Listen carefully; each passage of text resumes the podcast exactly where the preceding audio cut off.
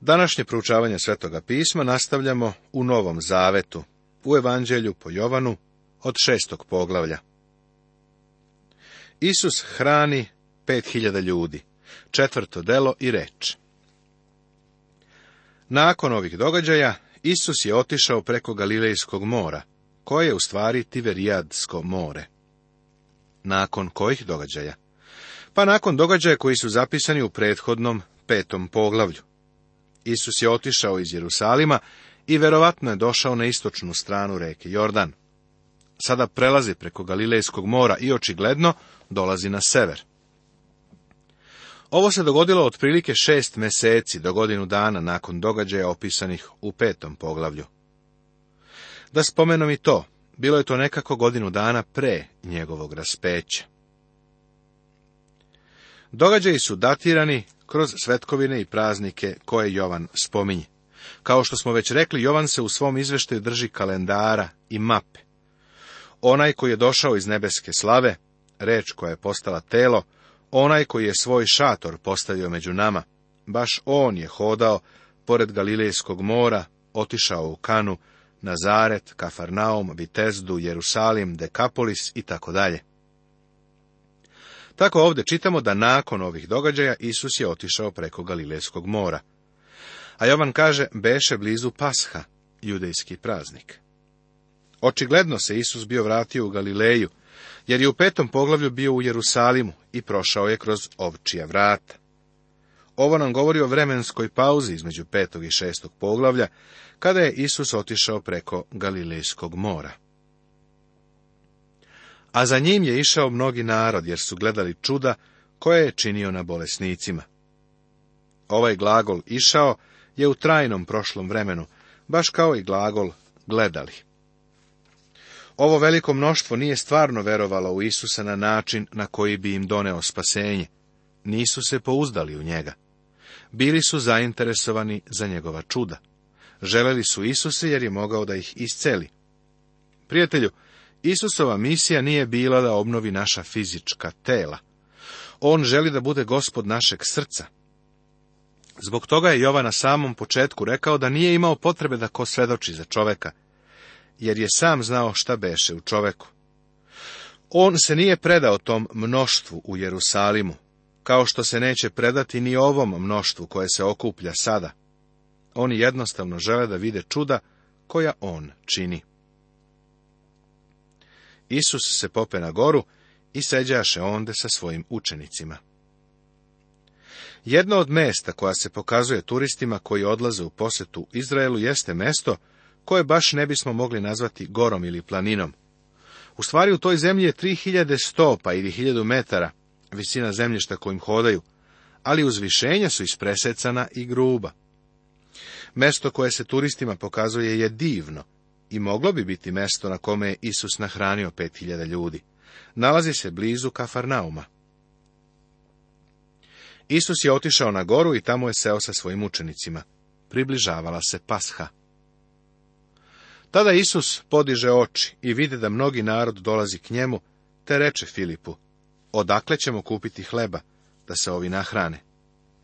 Filip je bio tih i čutljiv. Gospod ga sada izvlače iz takvog stanja. U stihu osmom ćeš vidjeti kako su se izgleda Filip i Andrija sprijateljili. Andrija i Filip su bili vrlo aktivni ljudi, vrlo angažovani, ali nisu mnogo govorili. Ni od njih ne čuješ. Ipak Andrija je gospodu doveo Simona Petra, a Grci su došli kod Filipa i Andrije kada su željeli da čuju i da vide Isusa. Filip i Andrija su se udružili da zajedno vide šta da se uradi. Tako ih i ovdje pronalazimo zajedno. Da li je gospod kroz ovo pitanje upućeno Filipu tražio savjet? Želim da istaknem da Isus nikada nije tražio savjet. Pa zašto je onda Filipu postavio to pitanje? Ovo je pak rekao kušajući ga, jer je sam znao šta će činiti. Iskušavao je Filipa. Filip je pogledao mnoštvo koje se približavalo, pet hiljada muškaraca pored žene i dece. Procenjujem da je moralo biti bar 15.000 ljudi. Prijatelji, ovo je baš dobar broj, pogotovo za tu zemlju, u to vreme. Kada ih je Filip video kako dolaze, uopšte nije mislio na čudo. Odgovori mu Filip i reče, za dve stotine dinara hleba njima nije dovoljno, da svaki nešto malo dobije.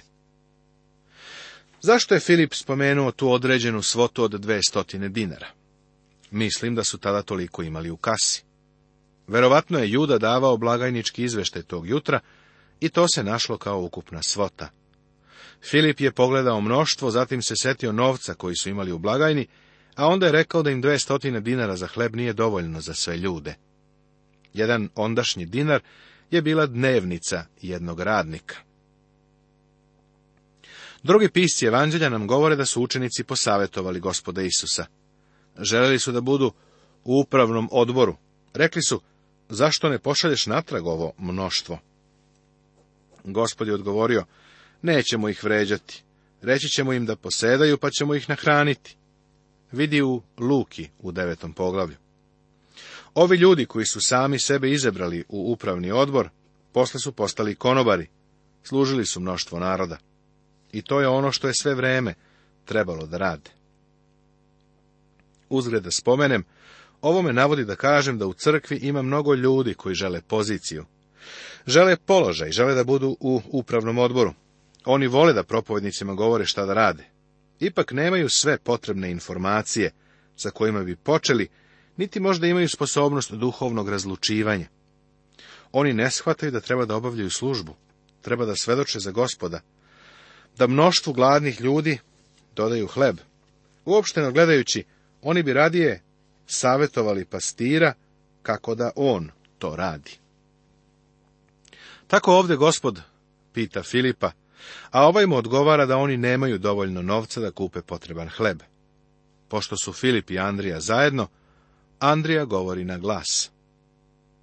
Ima ovdje jedan dečak koji ima pet ječmenih hlebova i dve ribe. Ali šta je to na toliko njih? Vidiš, Andrija je šetao unaokolo po mnoštvu, i razgledao. Razgledanja su po mom mišljenju vrlo važna, ali su redko od pomoći. Vidiš kako su Andrija i Filip ovde zajedno. Filip kaže da ih novac iz kase neće zadovoljiti da im se kupi hrana, a Andrija kaže da su našli dečaka koji ima pet ječmenih hlebova i dve ribice. Sjeti se da tih pet ječmenih hlebova nisu bili veliki hlebovi, već porodične vekne kao zemičke, bili su toliko veliki da se u njih stavi jedna riba. To je sve što je Andrija mogao da pronađe. Bio je to beznadežan projekat, šta je to na toliko njih. A Isus reče, posadite ljude. Bilo je na ime mnogo trave na tome mestu, tako se posadi oko pet hiljada ljudi. Želeo bih da tvoju pažnju privučem na to da je bilo pet hiljada muškaraca. Mislim da je razumno proceniti da na svakog od njih dolazi po jedna žena i jedno dete, što je sve skupa oko 15.000 ljudi. Sada će gospod Isus da nahrani mnoštvo. Evo nečega što je po mom mišljenju zanimljivo zapaziti. Ako moraš da nahraniš 15.000 ljudi, to je svakako odgovornost. Ako imaš pet hlebova i dve ribice, kao i dve stotine dinara, onda je prijatelju to sve što posjeduješ. Da je neki komitet doneo izveštaj sa ovim stanjem i ovakvom odgovornošću, oni bi rekli, u vezi sa tim ne može se ništa učiniti. Neko je sazvao odbor grupu ljudi koji pojedinačno ne mogu ništa učiniti, ali kolektivno mogu da donesu odluku da se ništa ne može učiniti. Ili, odbor je grupa ljudi koji traće minute i gube sate. Tako je evo jednog izveštaja nekog od odbora. Nemoguće je nahraniti ih. Vidiš, u ovoj jednačini ti je potrebno ono što ja nazivam matematičkim čudom. Potreban ti je gospod Isus. Kažem ti, ako imaš pet hlebova plus dve ribice plus Isusa, onda prijatelju stvarno imaš nešto. Bez njega nemaš baš ništa. Isus im je rekao da posedaju i oni su to učinili. Apostol Marko ističe činjenicu da su posedali u grupama. To znači da je svaka grupa bila sačinjena od ljudi koji su došli iz određene oblasti. Mogli su se razlikovati po boji odeće koja je karakterisala određenu oblast. Sve što je gospod učinio, učinjeno je pristojno i u redu. Svaka mala grupa je bila jedna boja na tepihu zelene trave. Mišljenja sam da, da si mogao da budeš na tom brdu toga dana, s druge strane, u odnosu na ove ljude, video bi nešto što je ličilo na divan prekrivač. Bio bi vrlo uredan, jer je gospod uvek tako radio. Isus tada uze hlebove, zahvali Bogu i razdeli onima koji su polegali, isto tako i od riba koliko su hteli. A kada se nasitiše, reče svojim učenicima, skupite preostalo komađe, da ništa ne propadne. Skupiše dakle i napuniše dvanaest kotarica komađa od pet ječmenih hlebova, što preteče onima koji su jeli. Kao student liberalnog fakulteta nikada neću zaboraviti kako je naš profesor objašnjavao ovo čudo. Rekao je da su učenici unapred sakupili te hlebove i ribe i da su ih držali u pećini. Onda je gospod Isus otvorio tu rezervu, a učenici su je izvlačili i spuštali pod njegovu ruku prikrivenu plaštom. Ovo je bilo nešto kao hokus pokus, abrakadabra. Ovom objašnjenju ne valja samo to što nije ispravno. Morao bi da imaš više vere da veruješ u ovo, nego što ti treba vere da veruješ kako je stvarno bilo, prijatelju. Da počnem sa ovim. Gde bi oni pronašli u tom kraju pekaru da im obezbedi toliko hleba? Odakle im toliko ribe za ovu priliku u ovo vreme?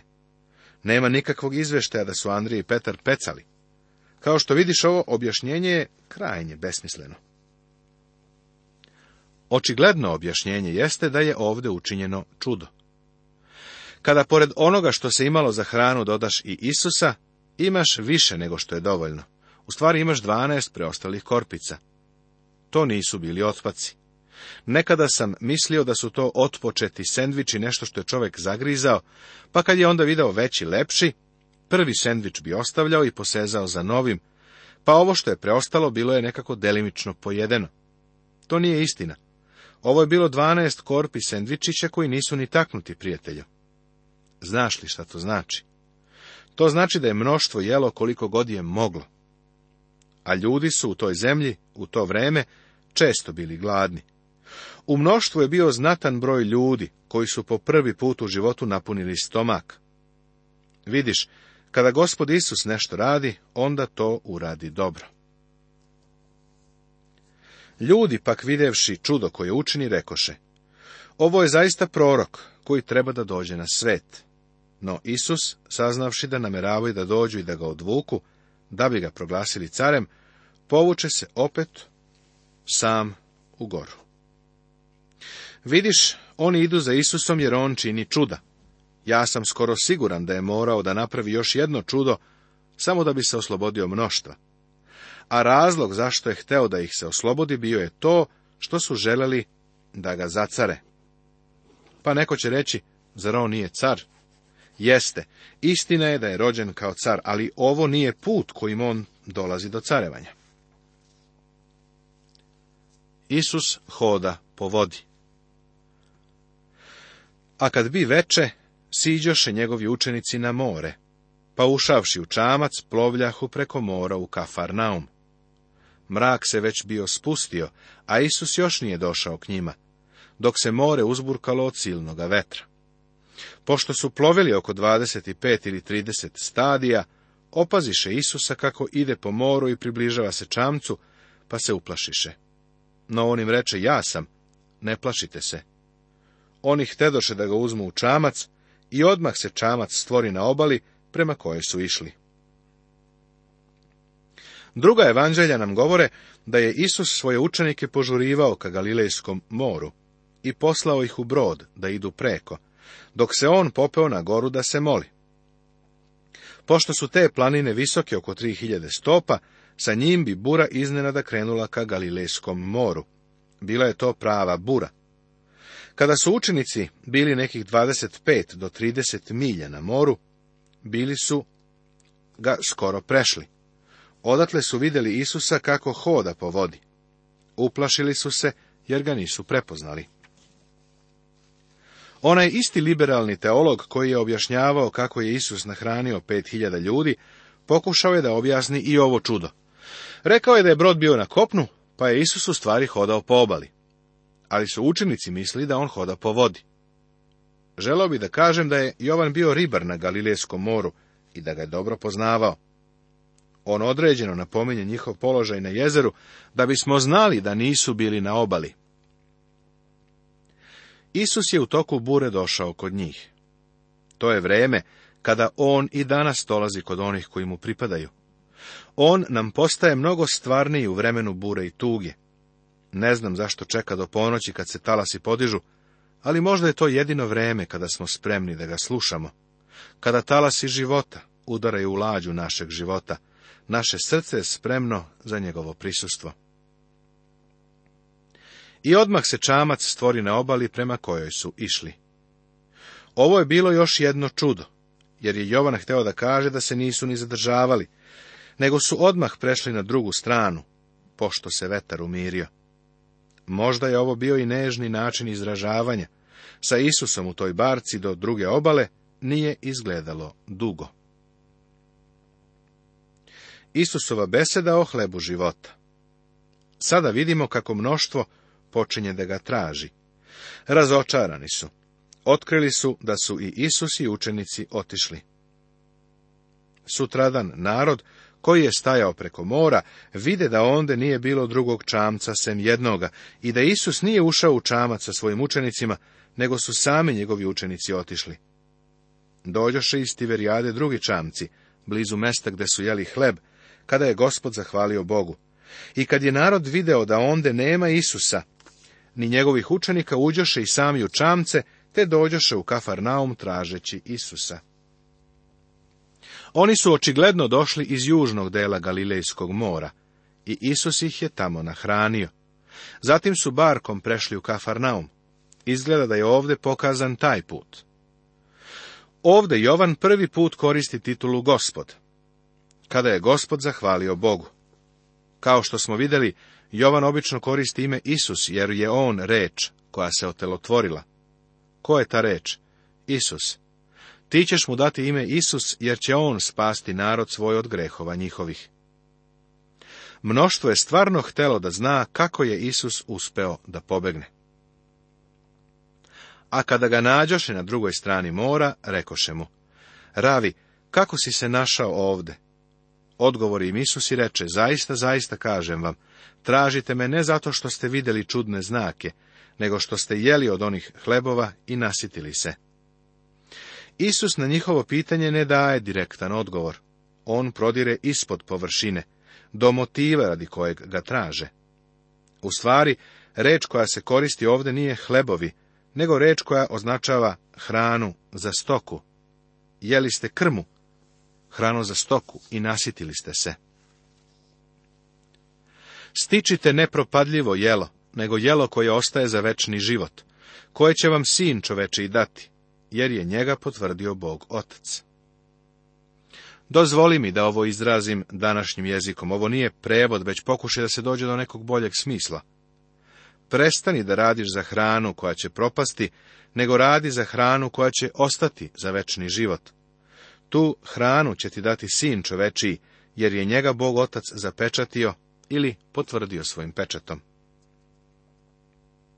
Sjetit ćeš se da je ovaj isti pristup gospod Isus primenio u slučaju žene kod bunara. Ona je želela vodu. Ovi ljudi žele hleb. Ovo su dve osnovne stvari. Hleb i voda su vrlo značajni za održavanje života.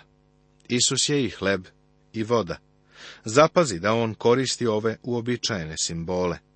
On je reč i reč je postala telo. Kako to objašnjavamo? Isus reč se seže dole i govori nam na način koji možemo razumeti. On je rekao da je on voda i da daje živu vodu. On kaže da je on hleb. Znamo šta je voda i znamo šta je hleb. Tada mu rekoše, šta da radimo da bismo činili dela Božja? Drugim rečima pitaju šta da rade da bi doživjeli spasenje. Čovjek je oduvek smatrao da bi uspeo da se spase samo ako bude poradio na tome. Čovjek se smatra potpuno sposobnim da izgradi i sprovede spasenje. Smatra se kompetentnim da to uradi i misli da Bog mora da prihvati njegova dela. Obrati pažnju na to šta je Božje delo. Odgovori Isus i reče im, ovo je Božje delo, da verujete u onoga koga je On poslao. Vidiš, delo Božije nije ni ono što je Bog zapovedio, nego ono što je Bog uradio. Drugim rečima, to je ono što je Bog učinio, a ne ono što ti želiš. To je delo Božije, a ne ljudsko. Ovo je delo Božije, da verujete u onoga koga je On poslao.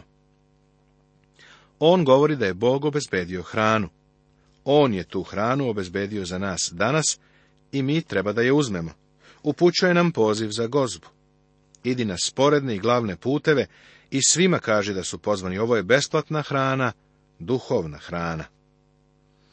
Oni mu pak rekoše, kakav čudan znak činiš da vidimo i da ti poverujemo, a šta ti radiš? Ovo otkriva tvrdoću čovekovog srca. Evo ljudi koje je gospod čudesno nahranio kada je obezbedio hranu za pet hiljada ljudi. I ti ljudi sada kažu daj nam znak šta si učinio. Drugim rečima, uopšte nisu želeli da veruju. Svoj razgovor obavljaju za stolom gde jedu. Nastavit će se.